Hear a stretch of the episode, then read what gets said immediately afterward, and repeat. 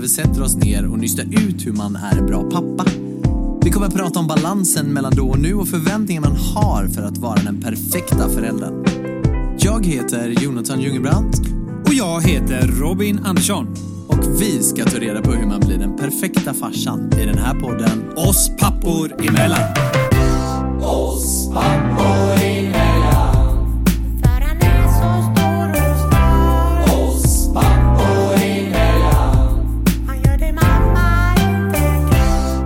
Hej Robin, Tjena Jonathan. hur mår du? Du, idag så måste jag säga att jag mår väldigt, väldigt bra på grund av att jag är frisk och jag känner på något sätt att jag är jävligt glad. Du ser inte så frisk ut. Nej, jag gör väl kanske inte det, men jag är väldigt frisk. Du är jättestilig idag i din kavaj Jag sitter här i kavaj och kände på något sätt att nu är jag frisk, det är dags att visa var skåpet ska stå. Ska du på kalas? Nej det ska jag faktiskt inte. Men jag hade bara en sån dag du vet när man vaknade på morgonen och kände fy fan vad gött det är att komma upp på morgonen. Det ska bli kul att podda. Men var det corona då eller? Nej, måste det vi, var- vi får ju reda ut det här. Nej, det var faktiskt inte corona. Jag har Nej. gjort ett sånt här coronatest här nu. Mm. Det var egentligen bara lite snuva, ont i halsen och Ines hon har varit lite sjuk. Just det. Eh, Men det var ju skönt, då slapp ni det. Vad visade testet att du hade haft corona tidigare då eller? nej, nej. det gjorde det inte. Nej. Det visade att jag eh, inte hade ett skit. Mer än eh, bara att jag var jävligt dum i huvudet. Ja. Ja, Så men det det, det, det, det, det. behövde vi ju inte testa för det har Nej. vi ju koll på sedan tidigare. Exakt, jag. det var tur att jag inte gjorde IQ-test där då. Nej men eh, underbar dag bara känner jag. Välkommen till avsnitt nummer 34 Peter. Ja, Ja, Ja. trevligt. helt rätt. Det känns ju lite sjukt också och kul. Avsnitt 35 snart. nästa- Bra avsnitt ni hade. Ja, du lyssnade? Mm, det gjorde jag. Mm. Jag låg där i sängen och kände bara, fy fan vilka idioter jag lyssnar på. Nej, fan är det du säger? Nej men bra avsnitt gubbar. Igår Mm. så var det årets happening. Japp, jag vet exakt vad du pratar om. För att det är det varje år i september normalt sett. Men nu med corona och allt sånt där så har det nog blivit oktober på grund av det. Mm. Vad är det jag pratar om då? Du pratar ju såklart om den här Apple... Eh, VVDC ja. event. Jag Ja. kände det, jag tänkte direkt på dig när jag såg att Ja, det var skulle det så? vara... Ja, jag- jag nu satt i är bänken. nörden bänkad. Jag slog ju på Youtube där och den här streaming, eh, Apple streaming Och du är såld- en halvtimme innan för att bara sitta och titta på den här Apple-loggan Du är såld eller? Sen- redan? Alltså, på riktigt nu. Det här säger jag varje år. jävla bra. Ja, men alltså på riktigt nu, det här säger jag varje år, men nu menar jag det i år. Nu känns det som att en iPhone kan inte bli bättre. Nu har den alla funktioner och allt som man vill ha i Ja en men då telefon. kommer det ju nästa år kommer den vara ännu bättre batteri och ännu bättre kamera. Ja men då är det så här tråkiga grejer. Nu släppte de det här MagSafe. Såg du det eller? Så Ja. de, de som har en Apple Watch vet precis hur det funkar. Man kan ladda sin telefon som man laddar sin Apple Watch typ. Man blippar på en magnetkontakt bak på Fan, vad telefonen. coolt. Va? Jättehäftigt. Men sluta! Ja men det är ju jättejobbigt att sätta i en sladd du istället. kommer ju köpa den. Jag kommer köpa den men Ja, jag är inte exakt. så jävla... Men det är inte samma sak. Trådlös laddning har ju iPhone haft länge, men det här är liksom... Du du vet, man ska lägga ner den jävla telefonen på plattan och försöka pricka exakt vart den ska ladda. Nu snäpper den dit bara. Men jag förstår inte riktigt det Jonathan. Och På 5G. grund- Ja, 5G. men det här med laddningen då. Varför? Du gör ju ändå det på kvällen när du ska ladda telefonen. Du kommer ju oftast inte sitta och pilla på den. Och det är ju nackdelen. Du kan ju inte sitta och pilla på den ifall du laddar den i den här magneten. Jo, men den, den sitter ju fast bak, precis som laddan. Du kan ju sitta, hålla i telefonen med Jo, laddaren. jo, men det Och- då är det ju skönare att ha den bara så här en lång sladd och bara sitta och trycka. Ja, men då kan du ju ha det också. Du kan ju välja vad du vill ha. Men man kan ju bara snäppa dit den här. Skitsmidigt. Ja, och jag gillar det med, med eh, Apple Watch. Sen har den 5G. Ja. Alla modellerna. Så släppte de en iPhone Mini Mm. som är typ som de gamla iPhone 5. Och eh, sjukt bra kamera och så har de den här nya fyrkantiga designen. Ja, men den, den, är, Ja, den, är bara, ju. den har allt som, vad man, som allt man vill ha. Ja, ja, men då blir det en ny eh, iPhone här nu då. Det blir det. Mm. Beställa den idag när alla lyssnar på podden här. För den släpps samma dag som vi släpper våran podd. Mm. Vi har ju en rabattkod här nu från Apple Watch. Och, eh, eller Apple. är från Apple på iPhone. Slår du in oss papper emellan så får du 60% på allt. Ja, ja, ja. ja. Tillägg. Ja, tillägg. Det går Ska vi oss. köra igång den här podden eller? Ja, men det gör vi.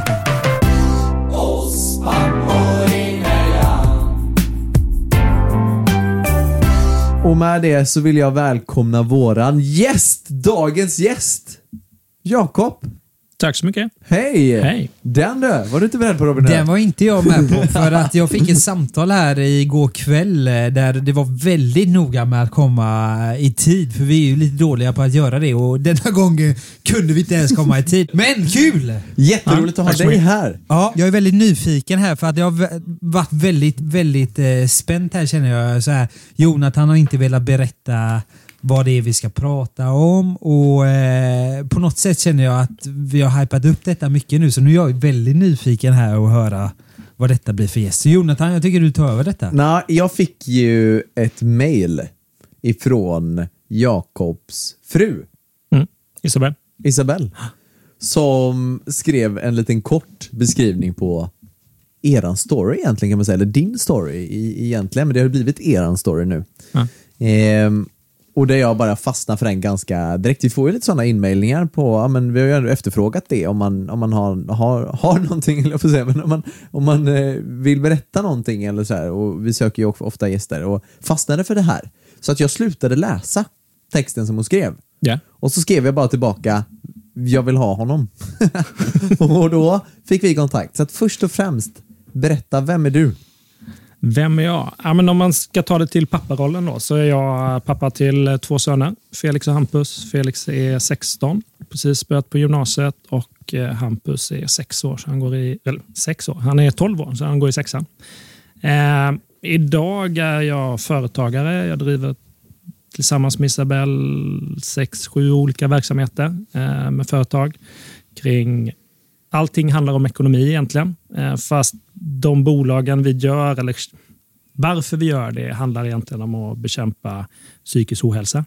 Eh, fast vi gör det genom att prata ekonomi, miljö, bostadsfrågan och så vidare. Eh, jag har väl en, jag har en livsvision och det är att jag lever ett långt, lyckligt och enkelt liv där jag känner mig produktiv och harmonisk tillsammans med andra. Jag tjänar pengar på människors lidande, samhällets oförmågor och klimatutmaningen. Men inte genom att skapa den utan genom att bekämpa den. Då. Eh, Så det, den personen är jag med lite olika engagemang. Men min, För- min bakgrund, det är kanske det du frågar efter egentligen. Då. Eh, Det är, ja, men jag är en ganska enkel bondson från början. Kristet uppfostrad med en mamma som var diakon, satt i kyrkbänken Okej. jaha. varje söndag. Hur följde du med då till Gudstjänst kyrkan? eller? Ja. Ja, min mamma har berättat i efterhand när jag själv eh, fick barn att eh, hon gjorde det för att jag skulle lära mig att ha tråkigt. Okej. Eftersom det föder eh, kreativitet. Aha. Så det, var, det fattade inte jag då. Jag tror att hon försökte få mig att eh, få lite andra visdomar i eh, Livet. livet Ja. också. Då. Eh, men eh, jag var ganska aktivt barn. Eh, hade säkert någon form av diagnos. Eh, hjälpte till mycket hemma.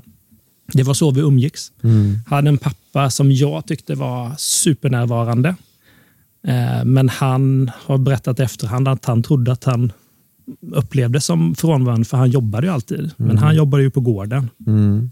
Och, och vi var ju med och just lekte det. och hjälpte till där. Liksom. Ja. Eh, Hade ni både liksom så här hästar och grisar och kor? Och... Ja, vi hade kor, kor, grisar och får när jag var liten. Aha. Ja, men vad hände sen då? Ja, men jag liksom har varit aktiv på det viset att jag började jujutsu. Kom med i landslaget i jujutsu. Och sen så gjorde ju brorsan lumpen, så då tänkte jag att ja, men det kanske jag ska göra ändå. Vad hette det? Jutsu? Jujutsu. Jag vet inte vad det är. Mm, eh, kampsport. Eh, slag, spark, kasta, kramas ner på mattan. Oh, fan. Eh, Du vill inte hamna i bråk med den här Men är killen? det med skydd eller är det Nej. bara som MMA typ? ja, mer som MMA. Okej. Eh, fast lite mer reglerat än Okej. MMA. Du får inte liksom... Ja, när, jag, lite- när jag tävlade fick man slå man fick slå raka slag i ansiktet eller liksom sådär. Men Pungspark?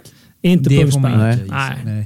Men, eh, Du får inte göra schysst. armbåge kanske? Nej, Nej. inte sådana Nej. saker. Eh, men det var teknikerna man bedömde. Det var inte så man fick poäng för teknikerna. Okej. Eh, inte att man knockade den Nej. andra. Liksom. Men det gick ändå ut på att man skulle knocka? Inofficiellt Ja. kanske. ja, ja. oh, Nej, men jag, hade ju inte, jag, jag var liksom, kallades för Varbergs fästning eller Hulken från Varberg har Fighter skrivit. då. Oj. Eh, och då Eh, Så jag hade väl en teknik att folk visste att jag var relativt stark för min viktklass eller så. Eh, Och jag var inte bäst på eh, slag och spark eller kast. Eller, ja, mattan var jag ganska duktig på. Men jag var stark och Okej. jag var ganska duktig på alla delarna. Eh, och Det var det som var min styrka. Men då var ju min teknik var ju att slå ett riktigt hårt slag i, precis jämte solarplexus. bland det Uh. första jag gjorde. Och sen snabbt upp. Eh, för att och så kunde jag slå där ett par gånger för att då visste jag att då fick jag lite respekt. Ja. Och då blev allting lättare sen. Liksom. Ja. Så det är klart att på det viset var det ju lite att knocka. Men Men då, nu blir jag ju nyfiken, för jag gillar ju att kolla på MMA. Ja. Jag älskar ju att kolla på UFC här. Och, och jag är helt mycket? ointresserad av Ah, det. nej! nu blev jag här kände bara, oh, nu var Nej, men jag, mycket. jag, jag kan uppskatta en bra fight, Ja. eller liksom tekniken. Ja. Eh, Det är väl det jag... Sen, sen slutade jag med det, för jag, när jag började lumpen och läste vidare som officer senare så, så fanns inte den tiden. Liksom. Eh, Så, men ja, jag gjorde lumpen här i Göteborg. Eh, och Sen så blev det att jag läste vidare till officer. Träffade min, eh, mina barns mamma på eh, officershögskolan. Och sen fastnade jag där i 17 år. Eh, Blir det, blir det så att man gör lumpen och så går man vidare och så känner man fan det här var kul och så kör man vidare? Är det ofta så att man fastnar där liksom och blir, blir, blir kvar och Ja, det är väldigt- inom det? Eller? Det är väldigt få som gör det. Men om man jämför Mm. med hur många som gjorde lumpen. Ja. Och nu är ju värnplikten tillbaka. Ja. Eh, men, nej men jag, jag, tyck, jag tycker det är jättebra att folk gör lumpen av den anledningen att man, eh, om det gör pojkar till män vet jag inte, men, men man lär sig gruppdynamik, man lär sig förhålla sig till eh, tider. Har man inte gjort lumpen? Väl lite, jag, jag, jag gjorde aldrig lumpen, jag gjorde vad heter det, det när man, eh, Utbildningsreserven. Ja, man testar sig ifall man får med eller Ja. någonting.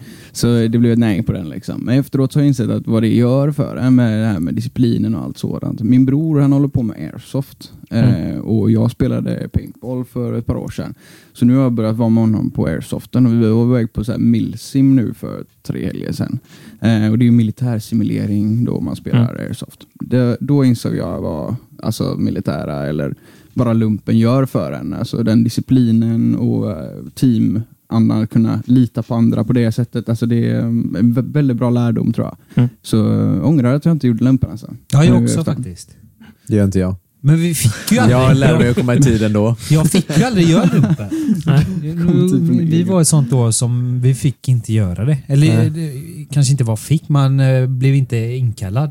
Nej, men alltså under, under de åren jag jobbat så gick vi från värnplikt Ja. till att bara ha anställda soldater till att nu ha en blandning igen. Ja. Eh, och Det har ju varit ganska stora ledarskapsomställningar både i Försvarsmakten och liksom även för oss som jobbade. Att det, är ju, det är ju helt olika sätt att motivera. Och Det kan jag väl säga kopplat till föräldraskap. Föräldraskap är ju mycket ledarskap eh, och anpassningsförmåga. Och Det är ju inte så att man som farsa är eh, det är inte så att den som är den bästa farsan för en person måste vara det för en annan. Utan det är ju väldigt mycket situationsanpassat och vad man har för partner, vad man har för barn och liksom allt sådär. Mm. Så, Ja, ja, men det har vi pratat om mycket faktiskt. Att du är ju den bästa farsan för dina barn. Ja. Liksom. Så, så är det ju. Men nu vill jag höra din Ja, story här. ja, fortsätter ja, då. Ja. Ja, sen... Eh, ja, men vad hände? Vi, alltså, vi gled ifrån varandra efter ett tag. Du och din Jag sambo. och min eh, Fru fru, blev det då. Mm. Eh, under den perioden då var jag...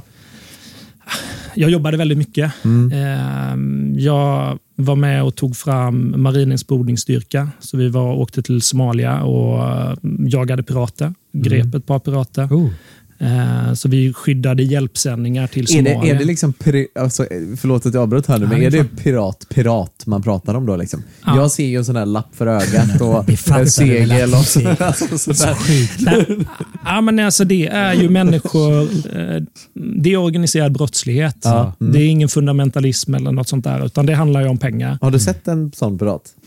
Har du gripit en sån Ja, vi har Samma ja, vi har gripit eh, den typen av pirater. Ja. Ja. Eh, och Sen har jag ju träffat betydligt fler sjukt. som, som vi inte har kunnat lagföra eller så. Ja, För mm. de, de vi grep Ja, men de, eh, det gjorde vi ju under tiden de attackerade ett eh, lastfartyg. Då. Just det. Vart var detta någonstans då? Eh, I Adenviken, alltså eh, Egypten, så går ju Röda havet ner och sen åker det ut i Adenviken och Okej. sen kommer man ut i Indiska oceanen. Så precis så norr om sjukt. Somalia. Men pratar vi lite Alltså- det här som jag har sett den här filmen Captain Philip eller de här. Är det sådana pirater du Ja, precis. Men du måste vara livrädd när du gör det här. För jag hade varit livrädd.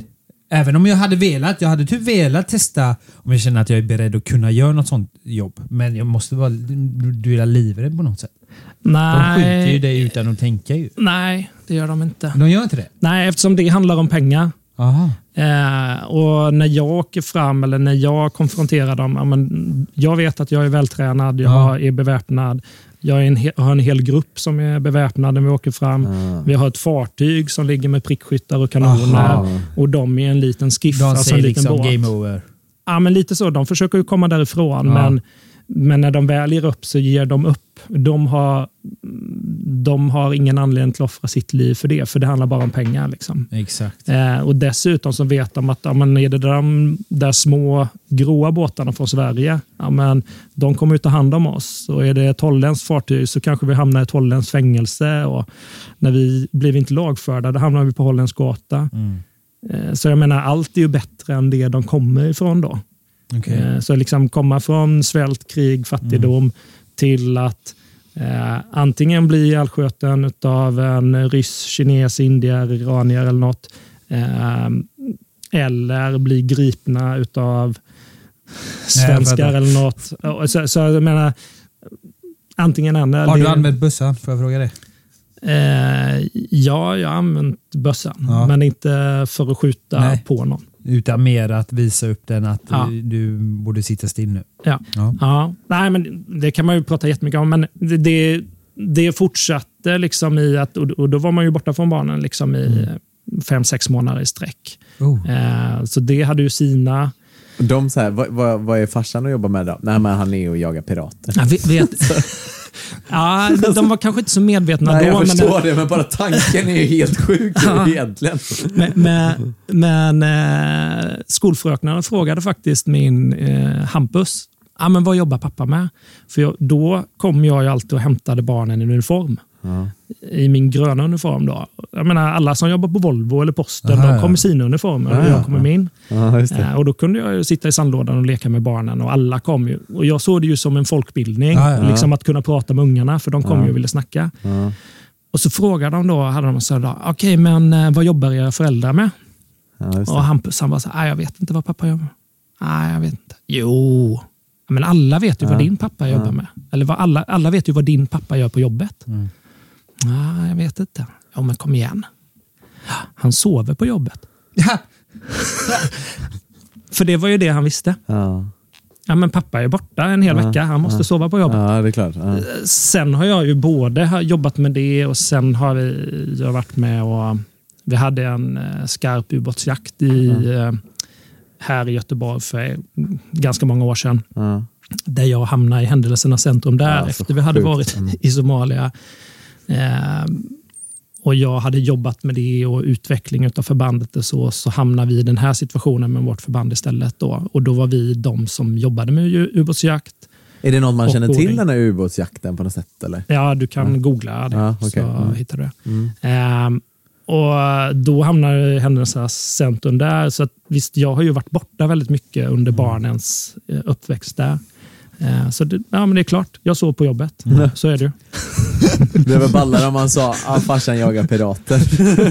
så, här, så kollar de på liksom Pirates of Caribbean och sånt där. Ja, det är kul. Det var sjukt alltså. ja. Så, här, men sen, sen så efter det så fortsatte jag, jag blev logistikchef kan man väl säga inom Försvarsmakten. Och sen så, sen så träffade barnens mamma en tjej. Och eftersom vi hade växt ifrån varandra så, så valde vi att gå isär.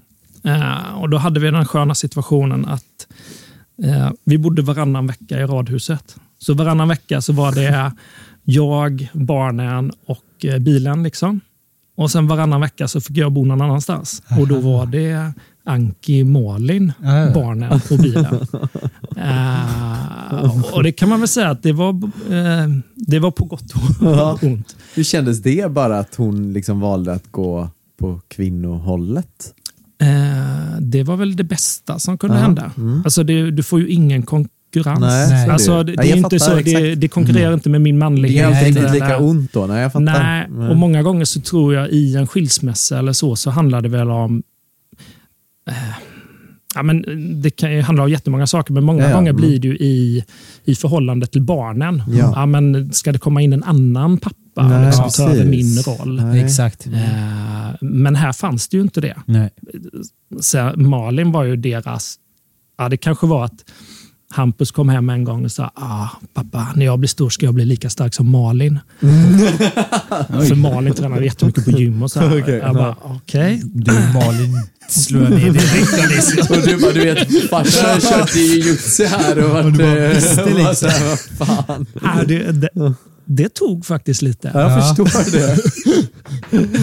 Men, men samtidigt så blir jag ju väldigt glad. Ja. För någonstans där så ser jag okej, att de hade en trygghet i Malin och så. Ja. Det, det, och det man kan säga, det var Malin blir då extra mamman kan man Ja, säga. precis. Ja, mm. Eh, och min, eh, min fru Isabelle som jag träffade ett år efter detta, det, skilsmässan. Då. Mm. Eller ja, om vi, det, som, hä- det som händer efter det det är att vi, ehm, efter vi bor så här i ett halvår ungefär, så köper vi en lägenhet till, eh, till eh, Anki och barnen eh, nära där jag bodde. då. Mm. Så f- för min del så var det så här, jag var ju logistikchef för Försvarsmakten. Vardagslogistiken måste fungera.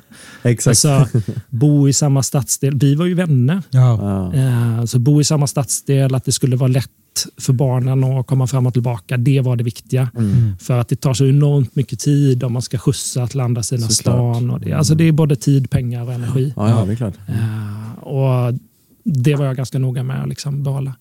Men, så vi köper en lägenhet till henne och delar upp våra bo. Eh, och jag får hjälp av min mamma för att kunna liksom behålla radhuset som en medlåntagare. Det är ett tips till många som går isär. Då, att Mm.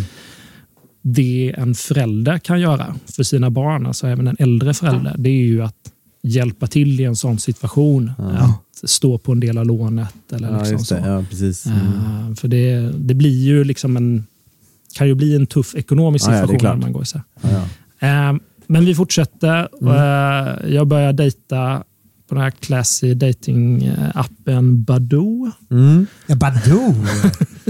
Det är Ja, eh, Föregångare till Tinder. Ja, den några som känner vi till. Ja. Badoo känner vi till. Eh, och där hittar jag en tjej som är liksom hundra champagneflaskor och partybilder. Ja, mm. Eh, jag var ganska färdig med barn Ja. eh, och hon bodde med hund och två katter i en stuga. Så jag bara kände kaninkokerska. Ja. Bara, det här är ingenting för mig, men en kul fredag. Eh, och det hade vi. Så nu har ni haft många kul fredagar sedan dess? Ja, vi har haft väldigt många...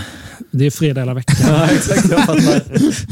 Eh, nej, Så men- champagnen kom tillbaka till ditt liv lite där kan man Ja, säga? Alltså. eh, lite Mm. för mycket Ja, under okej. en period. Ja, jag fattar. Mm. Eh, jag räknade ut att vi gick upp, jag gick upp 100 gram i veckan Mm. under ett par års tid. Mm. Nu har jag hämtat tillbaka dem. Ja, jag fattar. Eh, så då var det mycket champagne. Men, men vi, så vi, eh, fyra månader efter vi träffades så köpte vi hus ihop. Oj. Eh, och då, Isabelle var frisör och skatteredovisningskonsult. Jag mattenörd eh, och logistikchef. Så det var liksom så här, okej, Mm. om, jag, om vi går isär då måste, då måste jag kunna bo kvar med barnen. Mm. Jag vill inte liksom hålla på och flytta med dem. Så då bestämde vi, okej, men dit vi flyttar, eh, där ska du kunna bo kvar. Och då får du behålla det. Men då måste ju hon ha en reträttväg också. Så då behöll vi hennes stuga, hus Mm. ute i Säve. Eh, och så för att vi skulle kunna få ihop det på ett bra sätt, ja, men då köpte vi ett hus där vi kunde ha en uthyrning. Mm. Så då köpte vi ett hus där det fanns redan en uthyrning i garaget som vi, ja, vi behövde renovera och fixa med. Eh, men, och sen så tittade vi också på, kan vi flytta hem hennes skatt och redovisningsbyrå till huset? Och så köper vi huset eh, och tre dagar innan jag eh, innan, innan vi ska flytta dit då, så hittade jag barnens mamma och då hade hon tagit sitt liv. Eh, Så precis i den här, liksom, vi håller på att packa ihop, så hör vi av oss till... eh, Vi hade en bra kontakt och barnen hade framförallt bra, kontakt. Så vi skickade liksom, ja men de här grejerna är väl egentligen ditt. För vi hade inte gjort någon sån här riktig bodelning eller Nej. liksom jättemycket så när vi gick isär. Eh, och istället för att slänga saker så var det, ja men vill ni ha det? Men så fick vi inga svar på det. Mm. Och då uh, blev jag lite orolig, men jag tänkte, alltså, de kan ju ha varit ute och haft kul. Jag visste att hon var ute på fredagen. Och liksom så här. Eh, men eftersom inte barnen heller hade fått något svar så blev jag lite så här. Och sen när jag väl bli, blev kontaktad av hennes syskon, eh, då bestämde jag mig för att cykla dit. Liksom. Eh, Var det du som hittade henne? ja. Hur hittade du henne? Nej, men jag hade ju, jag hade ju nycklar dit och så. Och vi bodde ju nära, så jag, cyk, jag cyklade upp. och jag, man, man kan säga så här, min militära utbildning och att min mamma då jobbar som diakon i Svenska kyrkan på sjukhuskyrkan i Halmstad.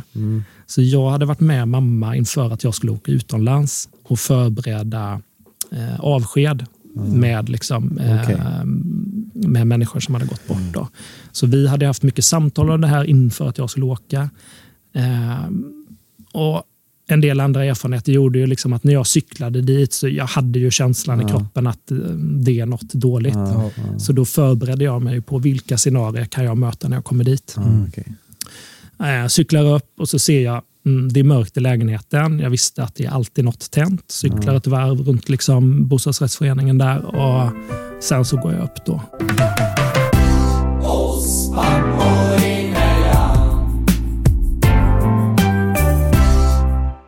Direkt när jag kommer in så ser jag att det ligger saker på golvet. Hon hade städfobi.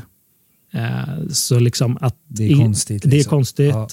Jag, tit- jag tittar inåt köket och då ser jag på liksom spisen så ligger det mängder av tabletter. Så då går jag ju bara rakt in, öppnar dörren till toan för att se finns det någon i badkaret eller liksom där och sen fortsätter jag in i sovrummet. Då. Eh, och eh, då det var väl första gången som jag liksom kände mig hjälplös i mitt liv. Eller liksom, jag har varit med om ganska många saker innan, men, men där helt plötsligt, he- kraften bara när jag skulle försöka få ner henne på golvet, jag bl- blev tillsagd av 112 och liksom göra hjärtkompressioner på golvet, inte i sängen och så. Eh, jag bara kunde inte få ner henne. Eh, så det var väl Ja, men det är klart att det var en traumatisk upplevelse, men samtidigt så är jag ganska säker på att hon hon valde det tillfället för hon visste att barnen skulle få det bra. Ja. Eh, för vi hade landat i en bra relation. Det fungerade bra mellan Isabelle och barnen. Eh, och Men hon Malin? Ja. Eh, de hade en tillfällig separation för okej. eftersom, eh, eftersom Anki hon, hon, hade, hon levde ju med psykisk ohälsa och det finns i den släkten. Eh, och hon hade, vilket jag var väldigt glad över, hon hade börjat medicinera ungefär ett år tidigare. Eh, och, och Hon hade börjat gå psykolog och liksom erkänna att eh, erkänna sjukdomen. Då, Vilket jag såg som ett väldigt framsteg. Eh, och Vi hade ju pratat väldigt mycket om detta och så, men och det gjorde liksom att när hon sen hade förändrat lite i sin medicinering samtidigt som hon eh, ja, hade druckit, då snappade hon, hon blev schizofren, hon gjorde lite bort sig. Liksom. Vilket gjorde att det hjälpte ju till den här liksom, psykiska ohälsan ännu mer. Och eh, Jag uppfattade liksom att Malin hon, de, de behövde gå isär något för att kunna vara tillsammans. Eh, vilket var väldigt bra ur, ur vissa perspektiv. För då, då hade de gjort så att de hade eh, separerat e- ekonomiskt och lånen och allt sånt stod på Anki igen istället för de båda. Så de hade gjort ett clean break så, men de var fortfarande tillsammans. Så de var fortfarande ett par, liksom, men inte sambos. Eh, s- så det förenklade väldigt mycket i liksom, eh, väldigt mycket efterarbete om man säger så. Men eh, så därav att det var jag som hittade den. Och samtidigt så, det var ett, också ett sånt tillfälle att jag skulle åka, jag skulle jobba i Stockholm i två veckor. Så jag skulle egentligen lämna över bilen på måndag morgon, för hon skulle låna den eh, under tiden jag var borta. Då. Eh, så hon visste att jag skulle komma. Sen skulle barnen komma på måndag eftermiddag till henne. Så det fanns ju en sån här att jag det kändes som att det var Hon verkligen visste planerat, eh, hitta liksom. först. Nej, men jag, jag, alltså, jag visste ju att detta var något som kunde hända ett halvår tidigare eller om fem Okej. år eller imorgon. Aha. Liksom. Mm. Det var den känslan jag hade.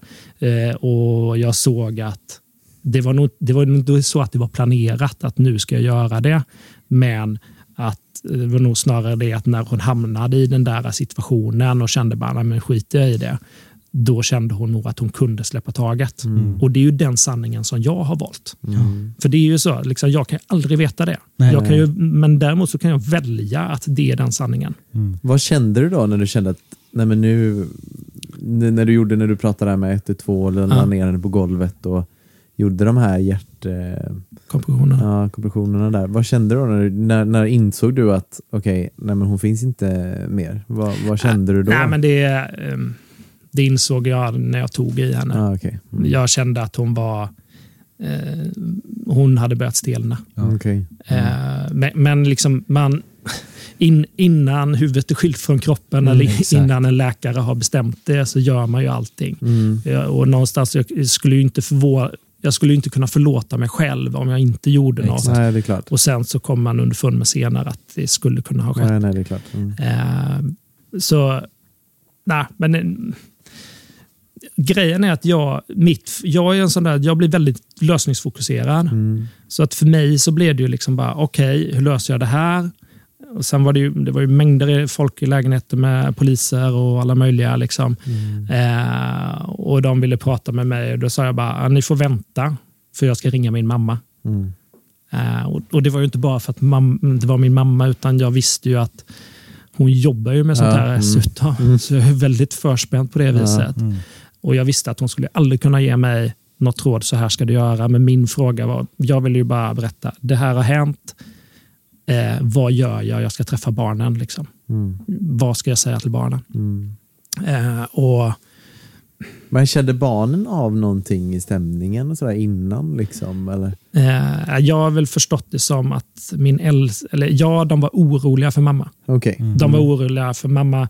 Hon hade en ekonomisk stress. Okej. Eh, och, och, och det behövde hon inte ha. Eller, det handlar ju om att hon ville stå på sina egna ben. Mm. Eh, det var inte, vi var inte fancy liksom, eller hade pengar nej. så, men jag var väldigt tydlig med att säga alltid till ifall det behövs något. Mm. Och vi, var liksom, vi hjälpte varandra om det behövdes. Mm. Sen hade vi också den att vi skulle inte vara varandras barnvakter eller så.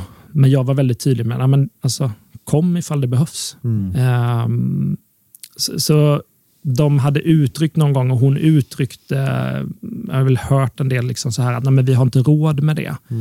Eh, och det om, om jag kan ha ett medskick till någon liksom hur man ska prata med sina barn så Ja. tänker jag mer att ja, men säg inte att jag, vi har inte råd med det utan fråga okej, men hur tänker du att vi ska lösa det här? Ja. För att barn är ju väldigt mycket så här, ah, men jag vill ha det här eller jag vill ha det här, kan vi inte göra detta? Okej, hur löser vi det? Mm.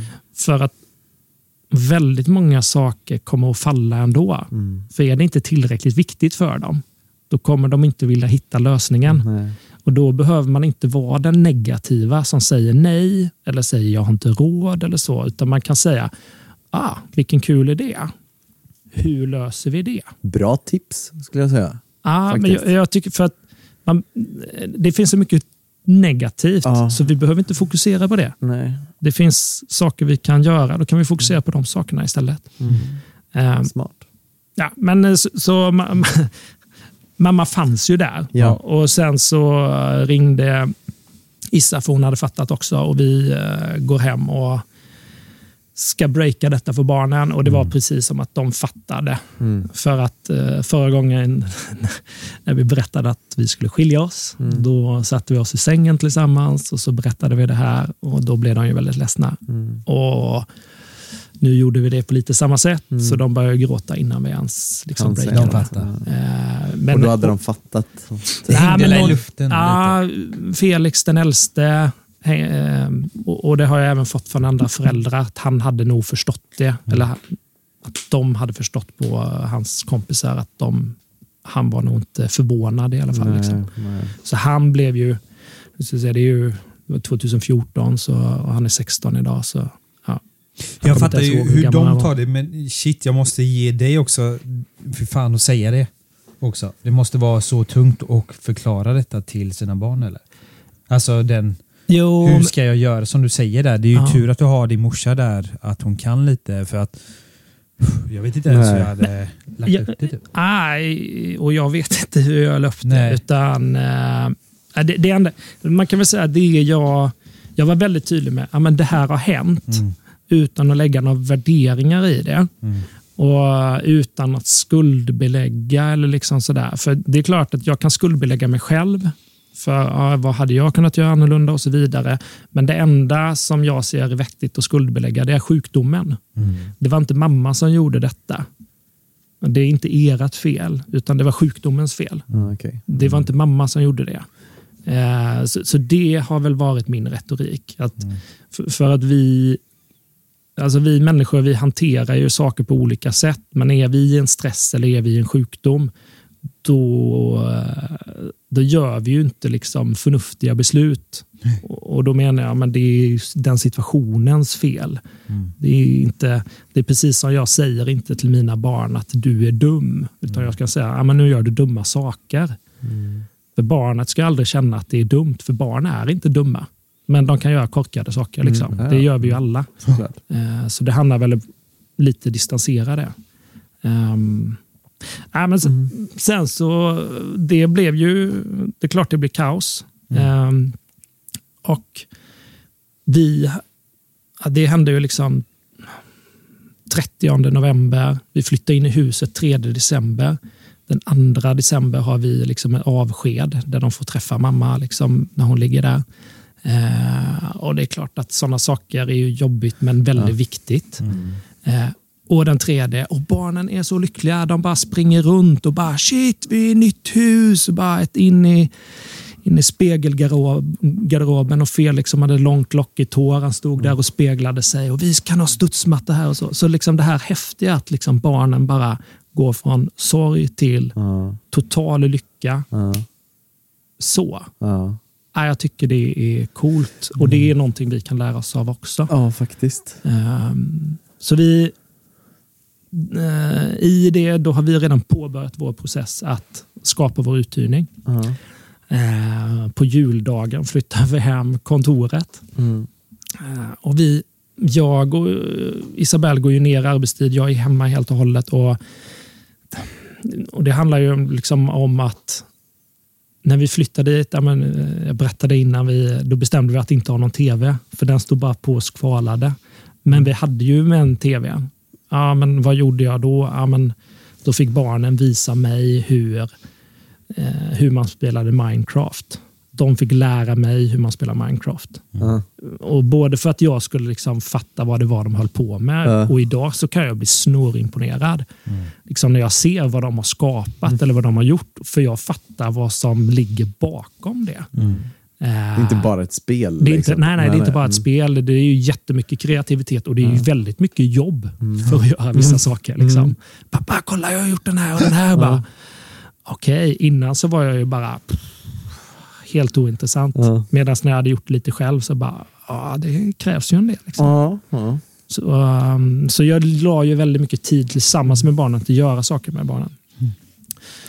Sen efter ett tag, så tre, fyra månader senare, så har vi ju liksom den här insikten att dels har vi gått oss en del, gick i en del föräldragrupper Mm. med andra som hade mm, hamnat i en liknande situation, fast alla var ju par som hade mist en annan förälder.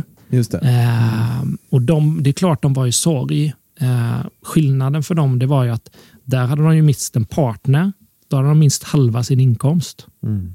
Och De hamnar i den ekonomiska stressen. Samtidigt så fungerar inte de själva för de är i sorg. Barnen vill inte gå till skolan, de kan inte gå till jobbet och det blir ju liksom en krissituation på flera olika sätt. Eh, och Det kände jag igen mycket i Ankis liksom, krisande kring ekonomi tidigare. då. Medan vi då, ja, men vi var fortfarande ett par. Eh, vi hade börjat få våra hyresintäkter och vi hade ju helt plötsligt en bättre ekonomi än vad vi hade innan. Ehm, och då, då kom ju tanken att det här måste vi liksom förmedla till andra eller så. Eh, så då började vi berätta om detta. Så här, tre, fyra månader efter det här har hänt och då tycker ju folk utifrån att man är ju helt dum i huvudet liksom, som bara ser möjligheter, Möjligheter det. Ja. Mm. när man borde vara i sorg. Eh, Och det är klart att vi var det, men när man är i sorg då blir det ju liksom att jag går ju mycket snabbare fram än vad alla runt omkring gör. Så man är ju, de här första tio åren är man ju på väldigt olika distans från det. Ehm, och alla blir, ingen blir ju inspirerad, liksom. så då startade vi ett bolag ehm, kring det. Mm. Eh, och idag så hjälper vi folk att skapa uthyrningar, hyra ut och Mm, skatt, bygg, eh, planering, trivsel och allting. Då. Smart affärsidé ändå. Ja, det vet jag inte. bra- Det tog jättelång tid Ah. innan affärsidén kom. Men Hur ser situationen så här ut för er idag? Om vi ska liksom summera, vart, vart är ni idag? Vad har ni hamnat i och hur ser, hur ser liksom logistiken ut idag? Ja, jag, jag sa liksom att jag slutar inom ett och ett halvt år i Försvarsmakten. Mm. Eh, Så idag så driver jag och Isabel en, två, tre, fem företag. Mm. Eh, skatteredovisning, klimatkompensation, eh, det här main home. Vi har lite fastigheter och vi jobbar med hållbara investeringar. Ja. Och allt går i linje med den där visionen som jag sa i början. Då. Mm. Mm. Men och, vår, vi kan leva helt och hållet på våra hyresintäkter. Och då är det inte bara privatuthyrning utan det är även i näringsverksamhet. Eh, så, och det tar snitt fyra timmar i veckan för oss båda. Mm. Så det är det vi skulle kunna jobba. Mm. Eh, men i och med att vi är inte riktigt sådana som personer. Nej. Isabelle är mer Mm. sån att hon vill gå ner i arbetstid medan jag jag ser inte så stor skillnad på arbete fritid. Nej, så, bara, så länge jag gör det jag tycker är roligt. Eh, Ungefär så som Robin jobbar då ju. ja. Du separerar ju aldrig jobb och fritid Nej, typ. jag ty- du sa något som jag gillar där. Jag gillar det att varför ska man sitta och tänka att allting, det är bättre att hitta något jobb som man tycker är kul. Ja. Nu kan ju inte alla göra det, det är inte det jag säger, men det, jag tycker det var en jävligt bra grej det du sa nu att det är bättre att bara hitta om man inte ska se det som en negativ tid, att jobb är negativ tid, utan vad fan, så länge det är någonting man tycker om så är det askul att jobba alltså. Nej, och, och jag tänker i föräldraskapet, så, så nu när, när Felix till exempel skulle läsa eller börja på gymnasiet, så var det så här, ah, men vad ska, jag, vad ska jag plugga? Eller ska jag gå gymnasiet? Eh, och vi var ju så här, det väljer du själv. Mm. Jag, jag väldigt mycket mer så här, ja, men jag tycker att du ska göra det för att jag tycker att du ska gå på en skola som har många olika program och elever. För att det du kommer att lära dig mest av det är att träffa många andra människor. Mm. Eh, sen vad du väljer spelar inte så stor roll. Du, alltså, jag sa liksom det att ja, men, eh, du kommer att byta yrke flera gånger under ditt liv. Men Titta bara på mig. Och Vad är det värsta som skulle kunna hända? Ja, men det är ju liksom att du får jobba i Försvarsmakten, Mm. Mm. som pappa och mamma gjorde. Mm. Eh, för de tar in vem som helst. Mm. Nej, men inte riktigt. men Men, alltså, Ja, mm. det handlar ju bara om att oavsett vad du gör för något, eh, alla kanske inte är redo för att starta ett eget bolag med en Nej. gång. Men antingen har du talang för något eller så har du engagemang för det. Mm. Och engagemanget leder ofta, eh, skapar ofta mer än talangen. Ja, ja. Och talangen gud, kan du Mm. få genom ditt Du engagemang. kan ju alltid lära dig någonting. Liksom. Så Ja. också. Nej, men så, så det gör vi. vi. eh, Jag är engagerad här i Företagarna i Göteborg med näringspolitiken. Eh, Så jag engagerar mig ganska mycket i saker som jag brinner för, tycker är viktigt. Och allting kretsar egentligen kring den psykiska ohälsan. Att eh, på olika sätt eh, påverka. Alltså inte prata direkt psykisk ohälsa utan ja, men prata pengar. Prata liksom det. För det är lite, det retar folk. Vi säger vi hjälper villaägare att bo gratis. Ja, men då kan vi reta folk kring pengar och det. Ja, men det är inte möjligt. Alltså varför inte det? Du kan göra på det här viset. Att prata näringspolitik eller liksom företagande. Och jag menar nu det här året finns det någon som både har lidit under det här året och kan vara lösningen till mångas eh, psykiska situation så är det ju företagare. Så att jobba med det då, det är viktigt. Klimatfrågan är viktig, bostadsfrågan är viktig. Så för mig handlar det liksom om att ja, men där kan jag genom olika typer av engagemang jobba med psykisk ohälsa utan att prata om psykisk Mm, ohälsa. men för det kanske inte är det Mm. mest upplyftande. Liksom. Vad, vad skulle du kunna ge till våra lyssnare då? Ditt absolut bästa tips generellt sett nu då? I det här? Eh, ja, men det kanske är mitt bästa tips till eh, en förälder är att låta barnen misslyckas. Eller nästan få dem att misslyckas. Smått och ofta. Ja, precis som företagarna, vi driver vår familj som ett företag. Ja. Vi har eh, samordningsmöten, måndagsmöten. Ja, okej. Jag och min fru, där vi liksom går igenom allt från företagen, vem som ska eh, hjälpa till med läxor, middagar, när vi ska ligga. Ja, Vem, Allt. vem, vem, alltså, hur är det liksom att driva företag generellt med, med din fru då? eh, både heaven and hell.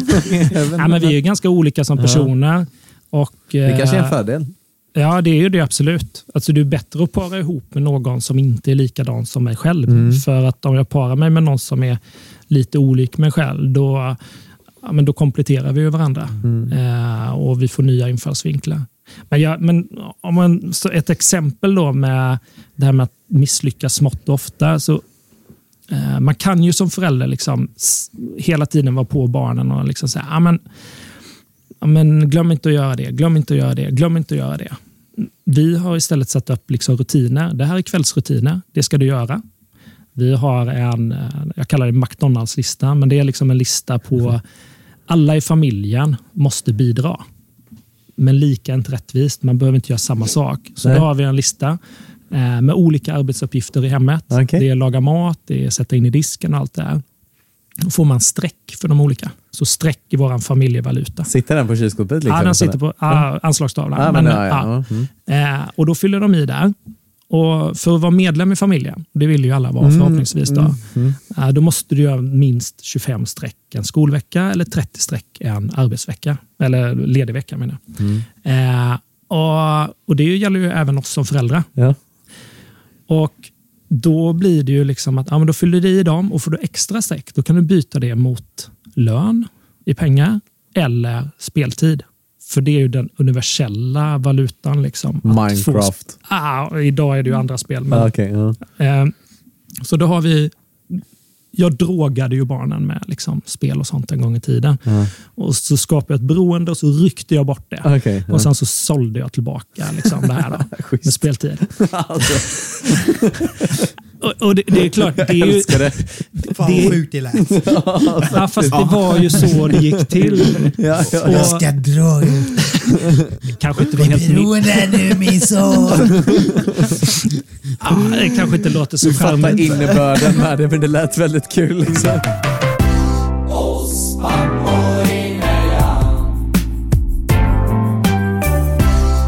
Gud vilken eh, story och vilken, eh, vilken disciplin du verkar ha på både familjen och livet överhuvudtaget. Jag, Vältränad är han också ser jag. ja, tack. Jag följer droppens väg. Ja, det är så.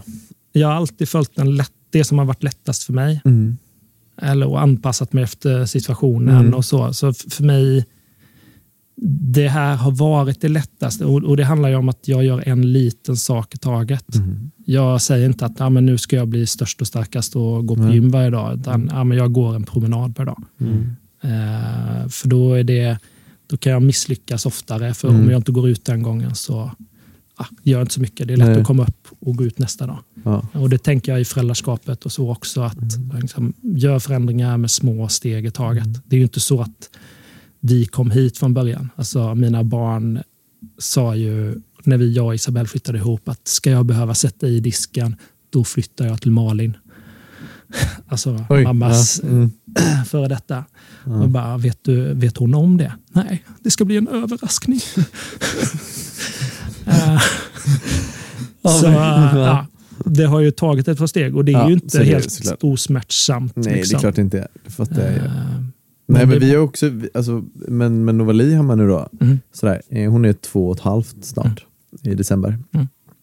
Och vi har ju pratat om det ganska mycket också, men vi, vi vill ju att hon ska tacka för maten om hon äter mat. Och, ja, men alltså för oss är det en självklarhet. Liksom, Mm. att, men, om hon får mat av någon så tackar man för maten. Liksom. Eller Mm. om man leker med någonting, klossar eller något och så ska man leka med något nytt. Ja men då får du gå och plocka upp det du nyss har lekt med. Mm. För annars så blir det mamma och pappa som får städa upp här. Liksom.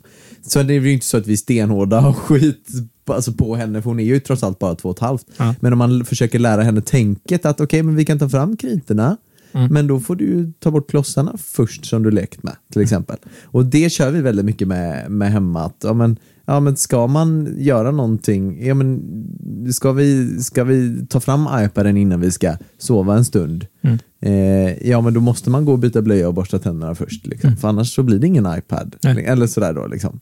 Ja, Och- och, och, det är ju jättebra liksom, att, Mm. att pusha det på det viset. De gör ju så på förskolan. Ja, så gör de ju. Så varför Mm. skulle man inte kunna göra Nej, det hemma? exakt så.